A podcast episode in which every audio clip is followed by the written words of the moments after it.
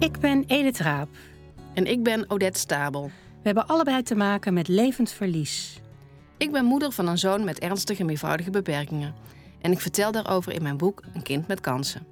Ik vertel aan studenten over levend verlies als docent ouderbegeleiding aan de Hogeschool Utrecht.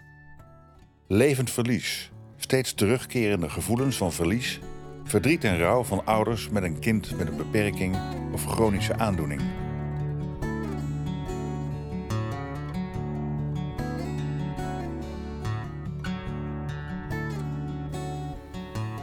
Het coronavirus heeft de wereld lam gelegd.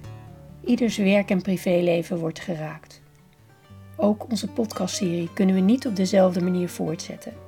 De gast die we wilden spreken, spreken we deze maand niet. Ook wij stappen noodgedwongen over op beeldbellen. En dit keer bellen Odette en ik elkaar. Om te praten over de impact van de coronacrisis op ouders met een kind met een beperking en op levend verlies.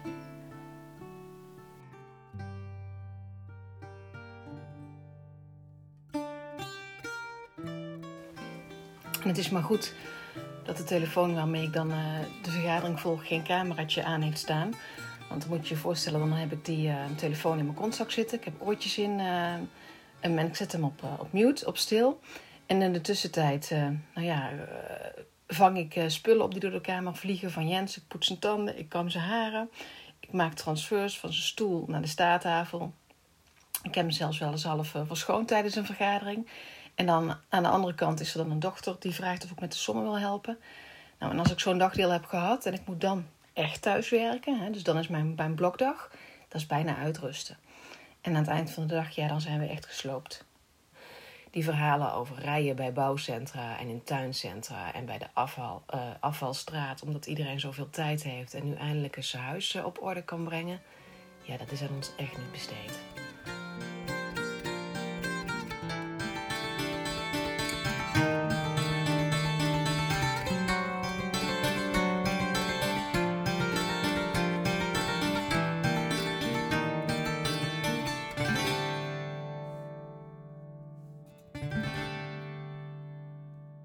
Ik begin met jou, Odette, zoals we met alle gasten doen. Kun je iets over jezelf vertellen en over je gezin? Ja, nou, ik ben dus Odette.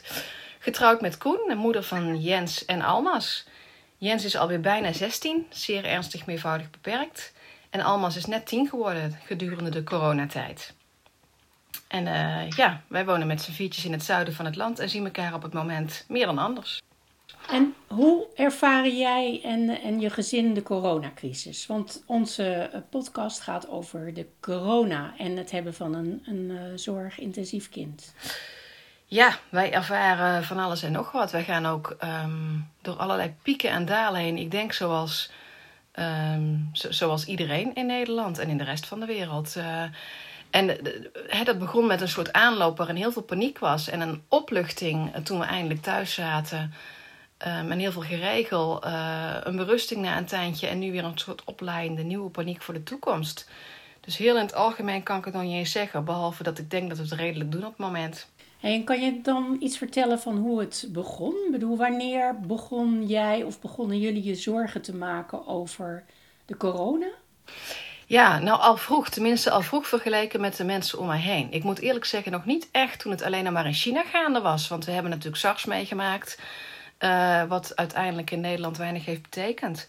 Maar toen dat het begon te zwerven over de wereld, uh, met die boten, hè, onder andere die cruiseschepen, en vooral toen het in, in Europa vaste goed aan, voet aan de grond kreeg, Noord-Italië, toen gingen mijn alarmballen af. En dat komt misschien nog wel het meest omdat Jens zijn medicatie, die komt uit Noord-Italië. Of tenminste, die wordt geïmporteerd uit Italië. En ik zag die eerste berichten van Italië en ik dacht, oh mijn god, straks kan ik niet meer aan medicijnen komen. Misschien ook wel een beetje in het licht van dat medicatie verkrijgen toch al moeilijker gaat het laatste jaar. En toen ben ik um, begonnen met te kijken wat ik nog op voorraad had en die voorraad wat te vergroten. En het gekke is, als je alarmbellen dan zijn afgegaan, dan ga je ook alles nog meer volgen. Dus ik las zo'n beetje ieder nieuwsbericht. En ik snapte maar niet, de, je zag hoe in de landen om ons heen maatregelen werden genomen. Het eerste echte geval in de buurt was hier net over de grens, op een paar kilometer bij ons huis vandaan. En dat, werd in Nederland gewoon eigenlijk bijna genegeerd. Terwijl mensen uit die regio, die werken hier, die, die, die, die, die, uh, kinderen komen hier naar school. Die zitten letterlijk op school bij mijn dochter. Die zitten in de dansclubjes bij mijn dochter. Dus op dat moment was het er bij ons al. Maar er gebeurde niks. En dat vond ik verschrikkelijk. En met al dat lezen wat ik had gedaan, denk ik dat ik best wel goed in de gaten had wat er aan het gebeuren was en wat er nodig was. Maar ik werd wel afgeschilderd als een soort gekke Henkie en een paniekzaaier. Want in Nederland zou het allemaal niet zo'n vaart lopen. En als we onze handen maar wasten, dan was het genoeg. En dat vond ik heel ingewikkeld. En hoe was het voor jou als, als ouder van Jens? Want je hebt het over die medicatie. Wij hebben in het verleden al vaker gesproken met artsen van Jens over, ja, dat heet dan advanced care planning. Over welke um, dingen je wel of niet wilt in acute situaties uh, in medische zorg. Omdat als het moment daar is, dan kun je niet helder denken. En je moet je voorstellen dat je, um, als je ouder bent van de kind, als Jens dat op een gegeven moment aan de orde komt van. Uh, zou je willen reanimeren als dat uh, aan de hand is? Nou, zo hebben wij toevallig afgelopen zomer nog een soort update-gesprek gehad. En dat zijn gesprekken die zijn verschrikkelijk. Dan, ja, je voelt je dan zo verscheurd, want je hebt het over enerzijds. Hè, want waarom doe je zo'n gesprek? Omdat je je kind het beste toewenst en vooral heel veel kwaliteit van leven toewenst. Maar anderzijds zit je te praten over een mogelijk eerdere dood van je kind dan absoluut strikt noodzakelijk is. En dat is compleet tegennatuurlijk. Maar afijn, wij hadden dat soort gesprekken gevoerd, heel hard gehuild. Um, op, bij het voeren van die gesprekken en wij liepen naar buiten en toen zeiden we tegen elkaar: Ja, maar eigenlijk was dit een gesprek over theorie, want hoe groot is nou de kans dat dit ooit gaat plaatsvinden of dat het binnenkort gaat plaatsvinden?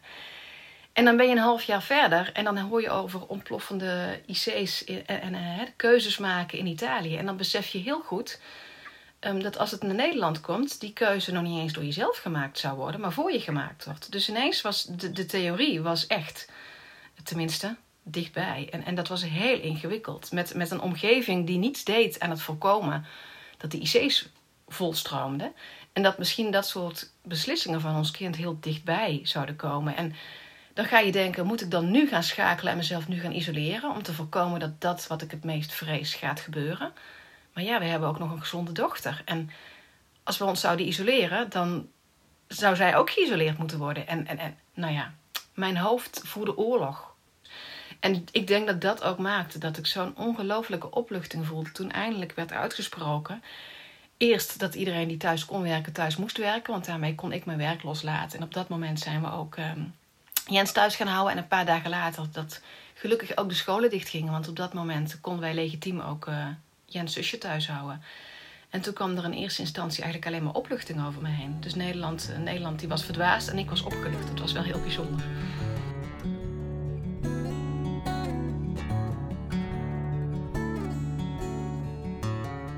En hoor je van andere zorgouders dezelfde uh, gedachten, dezelfde zorgen?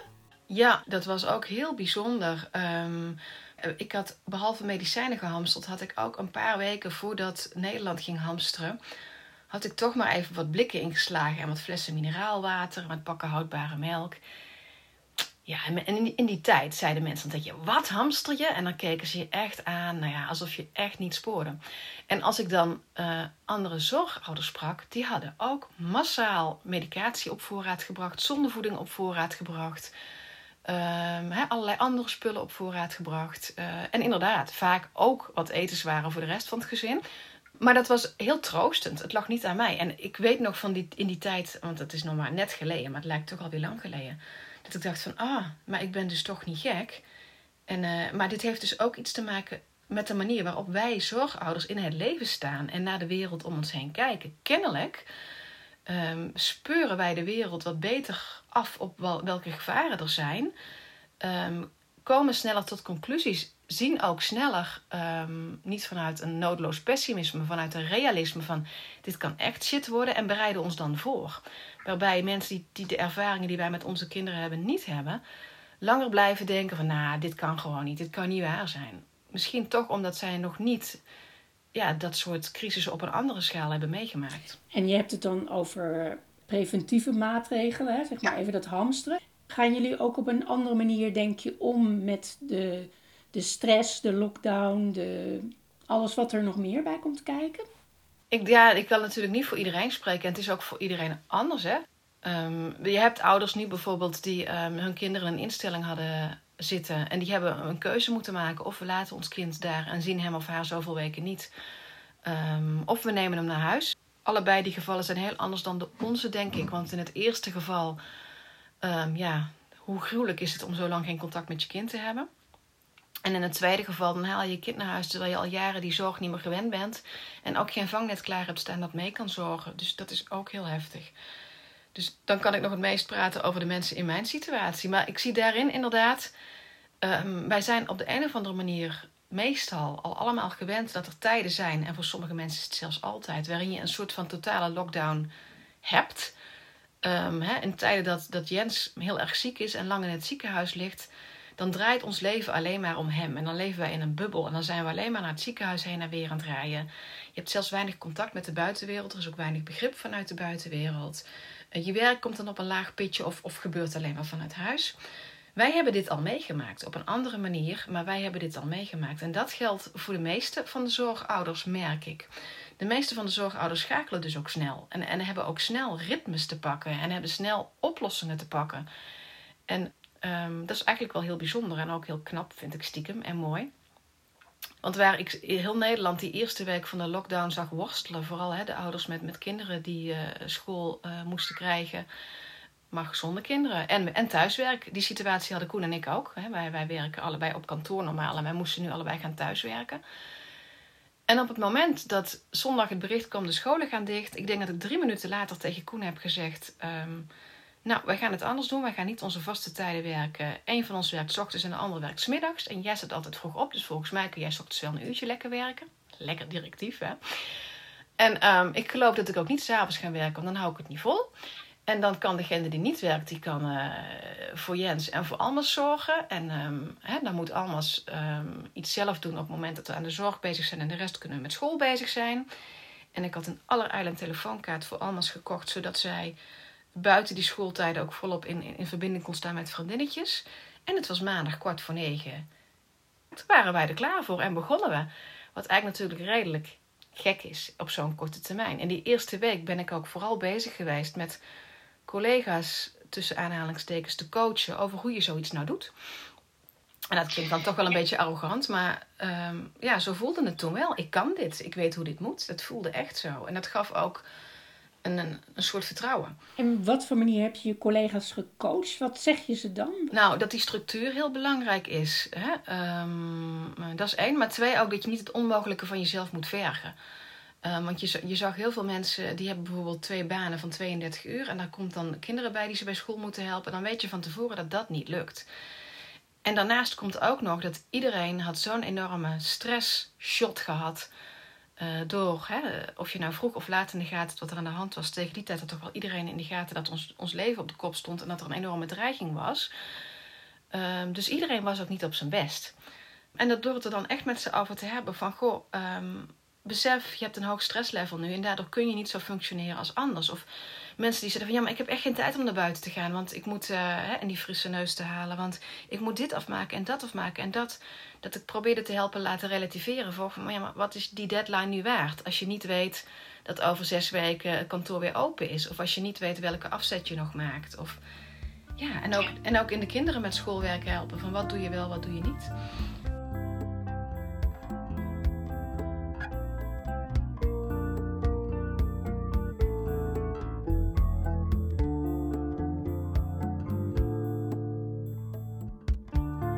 Heb je als zorghouder meer ervaring in het omgaan met stress? Dat denk ik wel. Op een hoger alertheidsniveau. Maar we zijn veel vaker, moeten wij het roer totaal omgooien. En er is altijd dreigende stress. Hè? Dat, daar komt die alertheid vandaan. En er is ook heel vaak stress. Dus wij, wij hebben daar wel ervaring mee, ja. En, en, ook, en, ook ervaring met het onmogelijke te moeten combineren. Dat ook. De, um, um, ik heb natuurlijk nooit in een situatie gezeten waarin wij twee thuiswerkbanen voor de volledige uren met hè, een schoolgaand kind en Jens de zorg bijna volledig moesten combineren. Dus het is niet dat je het één op één tegenover elkaar kan leggen. Maar het is wel zo dat ons dagdagelijks leven, want misschien is het wel interessant om dat te vertellen, dat dat ook continu onder druk staat. Hè. In het normale leven, dat is nog maar vijf weken geleden, um, ging onze gezonde dochter naar de basisschool hier in de wijk. Ging Jens naar de Tieltielschool met het busje, s ochtends vroeg. Um, werd hij begeleid door PGB'ers. Um, en ging hij eens in de twee weken ging hij in het weekend logeren. En dat loopt allemaal, maar dat loopt altijd gevaar, dat, dat zorgsysteem. Want als Jens ziek is, dan dondert alles om. er is altijd de druk van inderdaad een nieuw opkomende ziekte, waardoor je weer extra naar ziekenhuizen moet. Er is altijd de dreiging van een PGB'er die opzegt. Hè, of, of, of, school die de boel weer anders wil hebben, of het logeerhuis dat de regels omgooit. Je hebt altijd maar heel kort een stabiele situatie. En zo gauw die stabiliteit verdwijnt, en dat gebeurt meerdere keren per jaar, moet je snel schakelen en het weer op een andere manier doen. En die ervaring hebben wij dus allemaal. Dus ook al hebben we het soms best wel goed voor elkaar, het is nooit lang.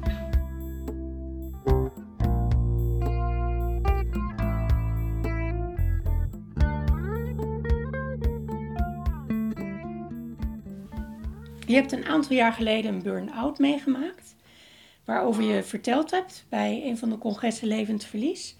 En ben je niet bang dat je daar weer inschiet? Nog niet. Met de nadruk op nog. Want voor een deel is het denk ik een zegen dat ik dat heb meegemaakt. Uh, hoewel ook dat wel weer stom klinkt, want ik had het liever nooit meegemaakt. Want je wenst het niemand toe en ook jezelf niet.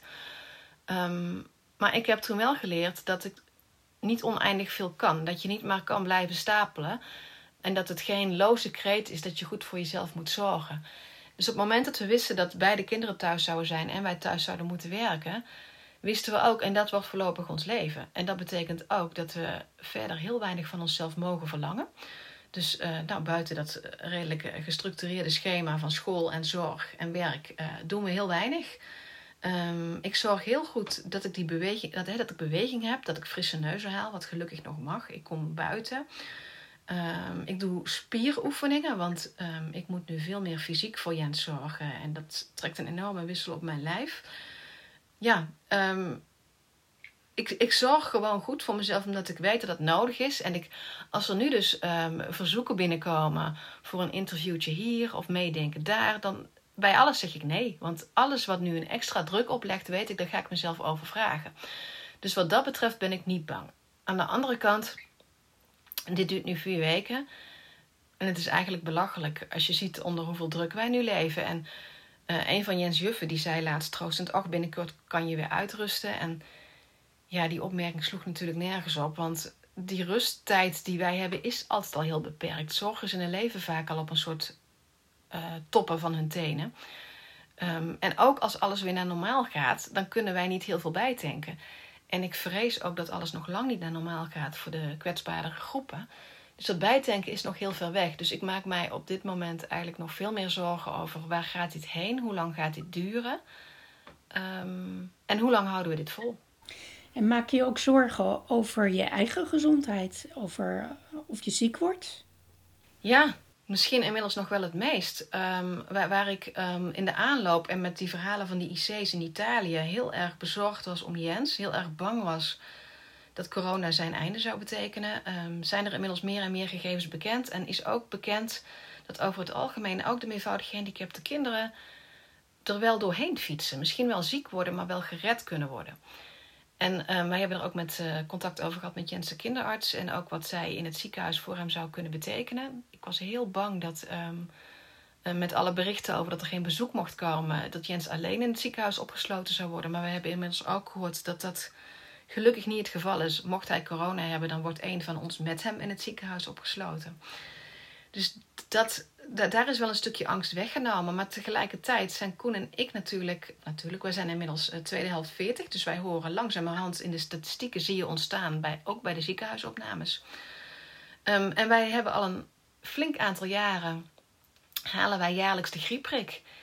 En dat is omdat er een jaar is geweest waarin wij tegelijkertijd de griep hadden. En toen konden wij niet zorgen. En toen heeft onze huisarts gezegd van... nou, dit mag eigenlijk gewoon niet meer gebeuren jullie uh, moeten zorgen, kunnen zorgen. Dus vandaar die griepprik. Maar ja, nu zijn we natuurlijk niet beschermd.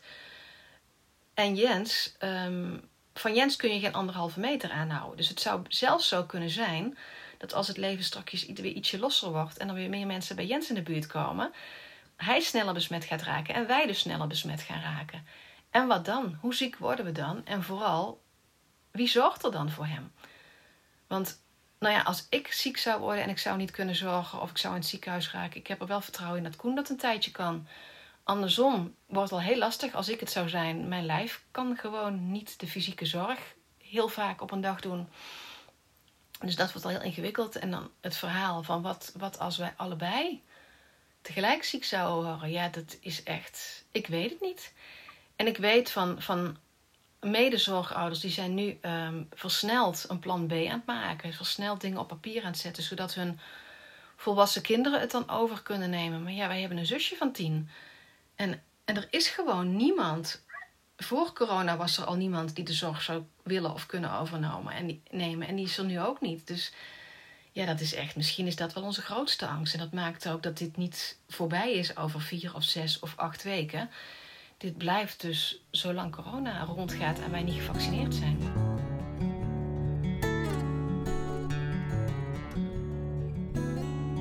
En om de overgang te maken naar onze podcast, hè, wat is voor jou levend verlies in deze coronatijd? Kan je daar iets over vertellen? Ja, um, nou het gekke is dat het, um, het is er minder. En um, en ik heb me natuurlijk afgevraagd, hè, want als je een podcast maakt als deze, dan sta je vaak stil bij levend verlies. Van hoe komt dat nou?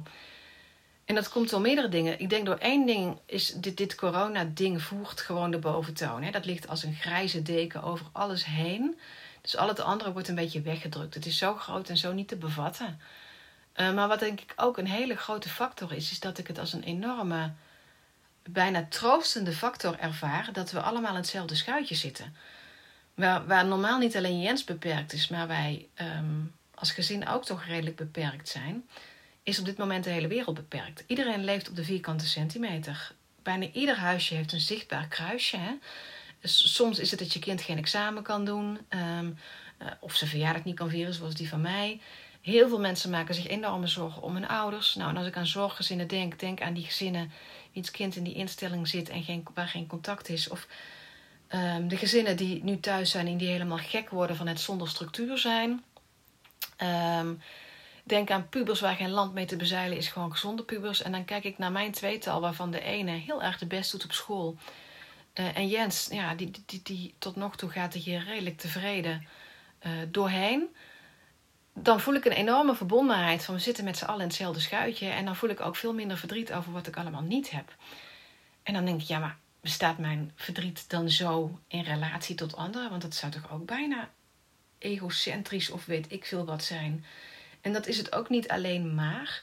Het is volgens mij ook dat in levend verlies heb je heel vaak dat je een trigger hebt. dat je, je bent op een bepaald niveau, maar je, uh, je loopt ergens rond en um, uh, dan doet inderdaad, want Jens die wordt 16, dan zie je de vlaggen uithangen vanwege de eindexamens.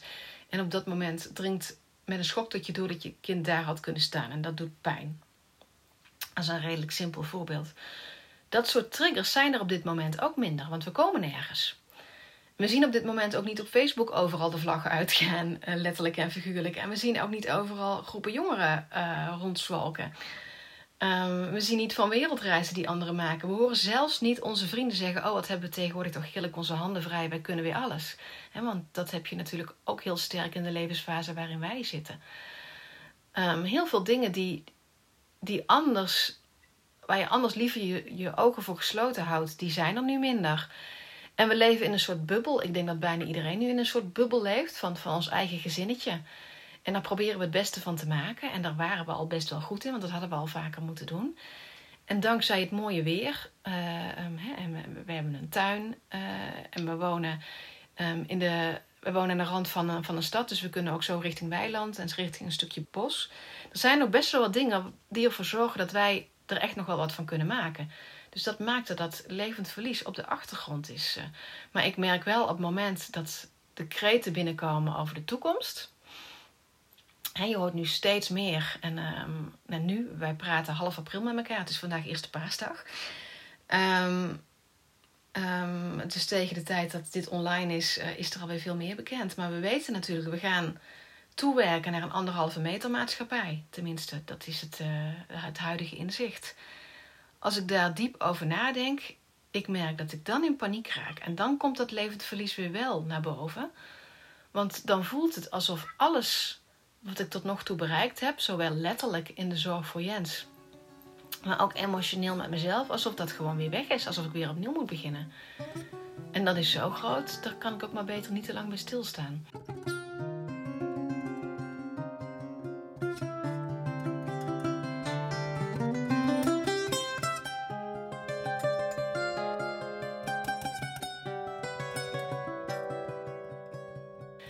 Kijk naar de eerste levensfase van Jens, die was nog vol hoop en zijn wij heel hard bezig geweest met proberen zijn ontwikkeling maximaal te krijgen. En daar hebben we echt wel dingen in bereikt. Maar ook al heel snel een plafond bereikt en dat was enorm slikken. Ik moet ook een beetje denken aan, ehm, aan de woorden van, uh, van Arthur, Arthur Veen, uh, bij een van onze podcasts. Hoe, hoe je lagen hebt in een levend verlies en of, hoe je steeds weer aan een nieuwe laag toekomt. Nou, het verliezen van die hoop was een hele belangrijke. Um, daarna ben ik als een soort doldwaze uh, in de Nederlandse politiek gaan strijden. En heb ik als een soort kamikaze gedacht dat ik wel even de zorg ging veranderen. Ik zeg het nu heel gechargeerd, maar terugkijkend was het wel zo. Is ook niet gelukt.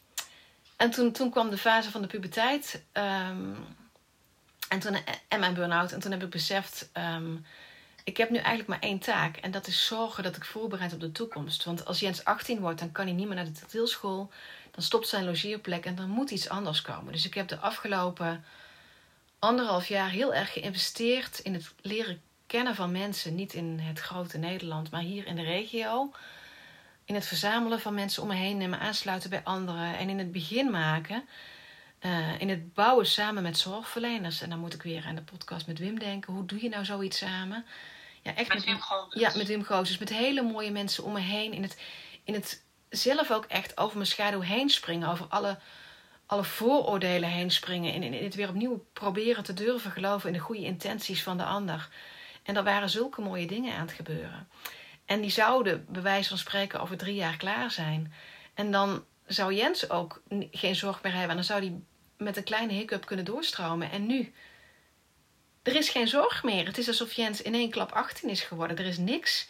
En als je het hebt over de initiatieven, alles ligt stil. En sterker nog, die miljarden die, die de overheid nu uitgeeft, die moeten natuurlijk wel teruggehaald gaan worden. Hè? En, en waar gaan die teruggehaald worden? Ja, dan denk ik toch maar heel schamper vast ook weer op de, bij de gehandicapten. Want dat is een makkelijke sluitpost. Dus, dus, dus mijn, ik had eindelijk weer dromen en ik durfde weer te dromen. En ik stak weer energie in, in, in Jens toekomst en die is weg. En nu word toch emotioneel, maar dat is echt nu gaat het goed met dat.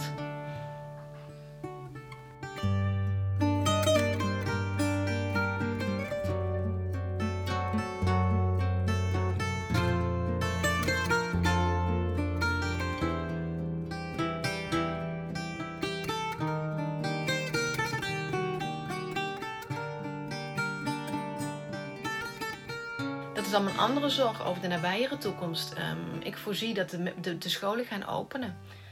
Um, en ik voel me verscheurd tussen. Ik, ik ga mijn, mijn gezonde kind niet weghalen bij school. Dat kan gewoon niet. Dat mag ook niet. Maar daarmee haal ik weer een besmettingshaard in huis. Um, Jens, als hij weer naar school zou kunnen of moeten gaan, niemand kan daar afstand houden. Dus dan haal je nog een besmettingshaard in huis. Moet je dan nu gaan zeggen, wij hebben dit niet in de vingers. We accepteren dat we het in huis halen. Hè? Wij, pakken toch ons leven weer op. Um, en we gaan door. Maar daarmee, ja, daarmee haal je ook wel hele grote risico's dichtbij. En ik, ik, kan, daar nog heel weinig mee. Behalve dat ik het niet voor me zie. En dan zie je de plannen, hè, de, de, de voorzichtige eerste plannen van de. En je hoort de, de opmerkingen van epidemiologen en virologen. En die zeggen van ja, en een bepaalde groep van de samenleving, die zal nog een hele tijd afgeschermd moeten worden. En dan denk ik dat daar zouden wij bij kunnen horen. Met Jens. En moeten wij dan de keus gaan maken um, tussen het doorleven van onze dochter ten koste van onze veiligheid? Ja, dat zijn allemaal non-discussies. Dus, eh, en dat, en ik, ja, ik merk ook, en daar mag ik ook gewoon niet te veel bij nadenken, want dan gaat het niet goed. Dan moet ik terug in mijn hok en dan moet ik mezelf bijna een soort van geruststellen met een soort mantra's. Van het is nu half april. Ik zie um, hoopvolle ontwikkelingen met nieuwe, hè, nieuwe medicatie. Er worden eerste dingen geroepen over een vaccin. Um, misschien wordt het geen drie jaar, misschien wordt het twee jaar, misschien wordt het een half jaar voordat de wereld weer gaat draaien. Maar ja, dat, dat, als je het dan hebt over levend verlies, je, je, je verhouden tot die paniek en je, je verhouden tot de machteloosheid die je ervaart van wat je ook doet, het geluk van je kind niet kunnen garanderen. En dat kan natuurlijk niemand van ons, ook niet voor onze gezonde kinderen. Alleen bij onze gezonde kinderen kunnen ze nog, die hebben zelf een heel groot aandeel in hun eigen geluk. En Jens kan heel gelukkig zijn, maar zo gauw zijn zorg wegvalt, is hij heel ongelukkig. Wij hebben zijn, zijn volledig de regisseurs van zijn geluk. En die machteloosheid daarin, ja, die kan me echt. Uh, die kan me wel opvreten op zwakke momenten.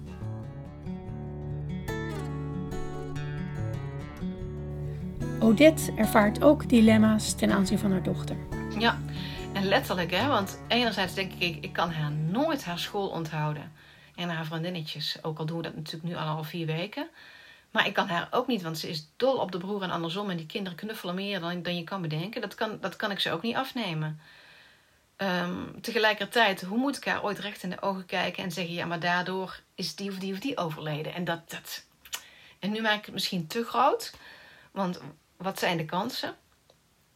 Maar ja, zo ingewikkeld wordt het wel. En zo ingewikkeld wordt het niet alleen voor ons, hè? Want eh, als ik dan doordenk, um, na ons drietjes staan mijn ouders Jens het meest nabij. Ik denk, het kan toch niet waar zijn dat zij hem door de keuzes die wij met school of met Jens zorg maken, misschien wel twee jaar niet gaan zien? Dat, dat kan gewoon niet. Maar moet je dan de keuze maken van wel? En betekent de keuze van wel dan dat iemand misschien onnodig sterft? Ja, ja, ik weet het niet. En dat weet niemand. Hè. Laat ik, het laatste wat ik wil is, is, is um, doen alsof wij extra zielig zijn, want dat zijn we zeker niet. Zoveel mensen hebben deze dilemma's, maar het maakt wel inderdaad, je hoort wel bij die kwetsbare groep. En dat maakt het wel extra ingewikkeld. Heb je het gevoel dat je omgeving doorhebt welke zorgen jij hebt? Wat, jij, wat je doormaakt eigenlijk? Hoe zwaar dit voor jou, voor jullie is? Nee. En uh, iedereen is op het moment zelf aan het overleven. En dus ik neem natuurlijk eigenlijk niemand kwalijk.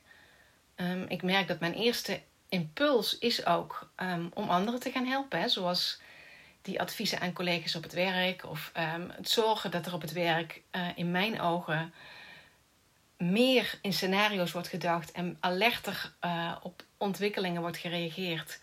Dan dat ze in mijn ogen deden. zorgen dat er meer verbinding ontstaat. En daar krijg ik ook superveel energie van. Ja, want mocht er ergens in dit gesprek het beeld ontstaan, ik werk nog steeds halve dagen achter mijn computertje op zolder en daar haal ik ook heel veel energie uit. En toen zei vorige week een van de managers die ik adviseer, want ik ben een Human Resources uh, um, medewerker, die zei: Ja, Odette, die stelt eigenlijk al die vragen aan jou. En toen zei ik natuurlijk wel even verbitterd: Ja, jij nu als eerst. En die bitterheid was weer gauw weg. Want, nou ja, weet je, het is wat het is. En dit zijn dan kennelijk mijn talenten. En het is ook fijn om die in te mogen zetten. Wat ik wel heel ingewikkeld vind, um, is dat alle instanties en instellingen waar je mee te maken hebt, dat het van daaruit ook doodse stilte is. Dat er zelfs letterlijk gezegd wordt: Oh, straks kunnen jullie weer uitrusten. En ik kan maar één ding heel erg hopen, en dat is als alles weer gaat rollen, dat ze in hun beslissingen niet alleen aan zichzelf denken, aan hun eigen roosters en hun eigen risico's, maar ook aan de kinderen en de gezinnen met wie ze te maken hebben. Ik hoop dat ze naar deze podcast gaan luisteren. maar uh, dat, dat, is, ja, dat is heel lastig, want we weten natuurlijk uit onze levend verliesgesprekken al hoe, hoe moeilijk dat is hè, om, om in het normale leven oog te hebben voor de situaties van onze gezinnen. Niet het onwil, maar omdat je als zorgverlener zo graag wilt helpen en omdat ook dit weer niet op te lossen is. Um, maar misschien is het nu nog wel meer. En het is voor ons echt nog lang niet voorbij. En dan zeg je kinderartsen die zeggen op, op internet verschijnen, op Twitter ook van die dat we het, um, je kinderen als de mijne, als je die isoleert, dat je dan heel verkeerd bezig bent. En dat raakt ons ouders enorm. Want het is niet alleen die corona. Veel kinderen als Jens, daar hoeft een kleinste dingetje maar te betekenen dat het hele medische um, uh, welzijn in disbalans wordt gebracht. Geldt ook bij Jens. Jens kan redelijk onschuldige dingen hebben waardoor epilepsie ontspoort of waardoor um, hij wat breekt, hè, waardoor hij een val maakt en wat breekt. Of, nou, een klein ding kan een groot gevolg hebben. Dus misschien gaat hij wel niet doodziek worden van corona. Maar corona kan er wel voor zorgen dat, dat hij hoge koorts heeft, waardoor iets anders heel ergs het verkeerd doet. En dat geldt voor bijna alle kinderen zoals Jens. Ehm, we hebben allemaal zorgen over medicatie. Gaat die wel beschikbaar blijven? Nou, daarvan kan je ook bedenken: is medicatie er niet meer, dan ontspoort dat lichaampje ook volledig. En daarnaast onze eigen kwetsbaarheid. zoals ik al zei, het zal wel leuk zijn dat hij misschien niet op de IC terechtkomt, maar wij dan. En dan is het ook wel weer heel erg kort de bocht als een uh, overigens heel gerespecteerd kinderarts um, op internet zegt dat hij zijn bedenkingen heeft uh, bij ouders die hun kind isoleren, dat ze daarmee het kind meer kwaad dan goed doen. Dan, denk, dan, dan zie je, dan, dan zoom je alleen in op corona en dat kind, dan zoom je niet in op het gezin. En in plaats van dat soort uitspraken te doen, help ons dan met, met een weg te vinden in die ethische dilemma's, want het zijn enorme dilemma's. Hey, als je kijkt naar een advies in tijden voor corona aan zorgouders, hè, dat, misschien een advies dat ook op een tegeltje kan. Die had ik dus nog niet bedacht. Gek hè? Maar ik maak de serie zelf. Ik merk, hè, richting het einde van het gesprek was er uh, ineens weer redelijk weinig over van mijn zelfvertrouwen en uh, balans. Uh, maar ik heb echt al heel vaak, en ik kan daar ook alweer naar terug, de afgelopen weken heel veel kracht gevoeld. In de zin van, ik weet hoe ik dit moet doen. Ik snap dit spel. Um, sterker nog, iedereen roept je moet het nieuws niet volgen. Ik lees nog steeds heel veel en bijna alles niet meer, als, niet meer zo bezeten als eerst. Maar ik vind het heel fijn om op de hoogte te zijn. En ik heb geleerd van dit hele corona gebeuren dat dat is wie Odette is. Er is een dreiging. Uh, dan is mijn tweede natuur dat ik mij ga verdiepen. En dat ik dan analyse maak en scenario's maak en voor het beste ga. En het heeft mij enorm veel kracht gegeven dat dat kennelijk iets is wat ik heb geleerd en wat ik ook goed kan.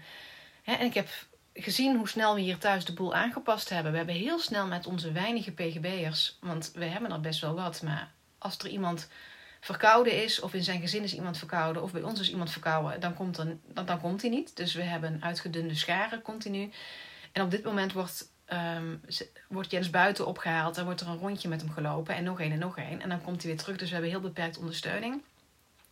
Maar met hen komen heel snel, snel steeds tot nieuwe oplossingen. En ook dat voelt weer supergoed. Uh, samen met zeg maar, de dingen die ik op mijn werk nu kan bijdragen, heb ik heel vaak het gevoel van ik kan dit en ik heb iets bij te dragen.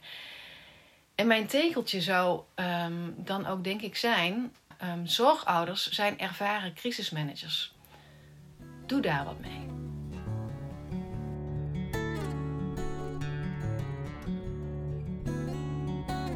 Wat ik aan de podcastserie, wat ik bij ieder gesprek heb, het heeft mij op een bepaalde manier heel veel ehm, bescheidenheid opgeleverd.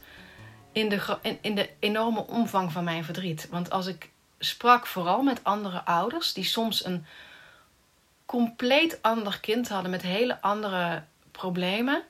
Ik werd altijd zo geroerd dat hun problemen en hun verdriet dezelfde waren. En waar ik misschien ooit in een ver verleden wel eens me schuldig heb gemaakt aan het meten. Die van mij is erger gehandicapt dan die van jou, dus je moet niet zeuren. Om het even echt heel plat te zeggen, want ik krijg het schaamrood op mijn kaken als ik het nu zo zeg.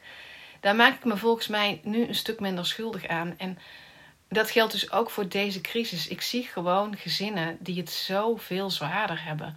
Met inderdaad, je zou verdorie nu je kind een instelling hebben en een kind wat niet kan communiceren, dan heb je dus ook heel weinig aan beeldbellen. Het fysieke contact is zo belangrijk. En hoe verschrikkelijk is dat? En dan wil ik mijn problemen dan toch maar even weer een beetje kleiner maken. Er zijn nu echt families die het zoveel zwaarder hebben. En dan toch ook maar even, hè, want wij hebben een hele sterke link met Afrika. Onze dochter komt uit Afrika.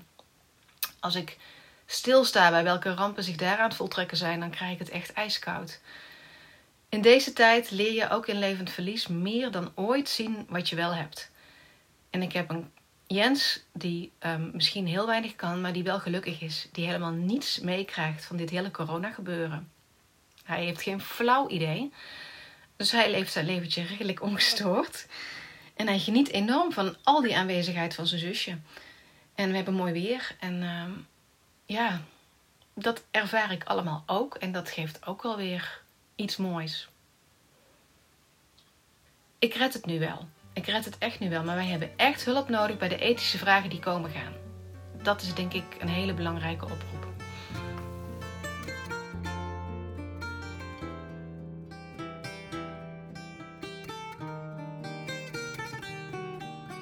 Odette voegt er nog één oproep aan toe voor de toekomst. Ik hoop dat er bij alle vervolgstappen die er genomen gaan worden gezien wordt dat je dit soort plannen eigenlijk niet moet maken zonder ouders Dus het is ook een oproep. Zie ons, praat met ons, laat ons meebeslissen over dingen die zo ingrijpend zijn.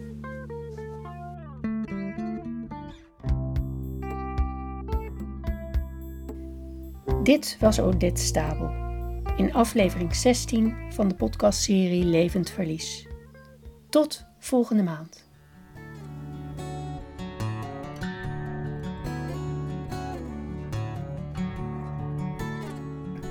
Elke laatste zondag van de maand een gesprek over levend verlies.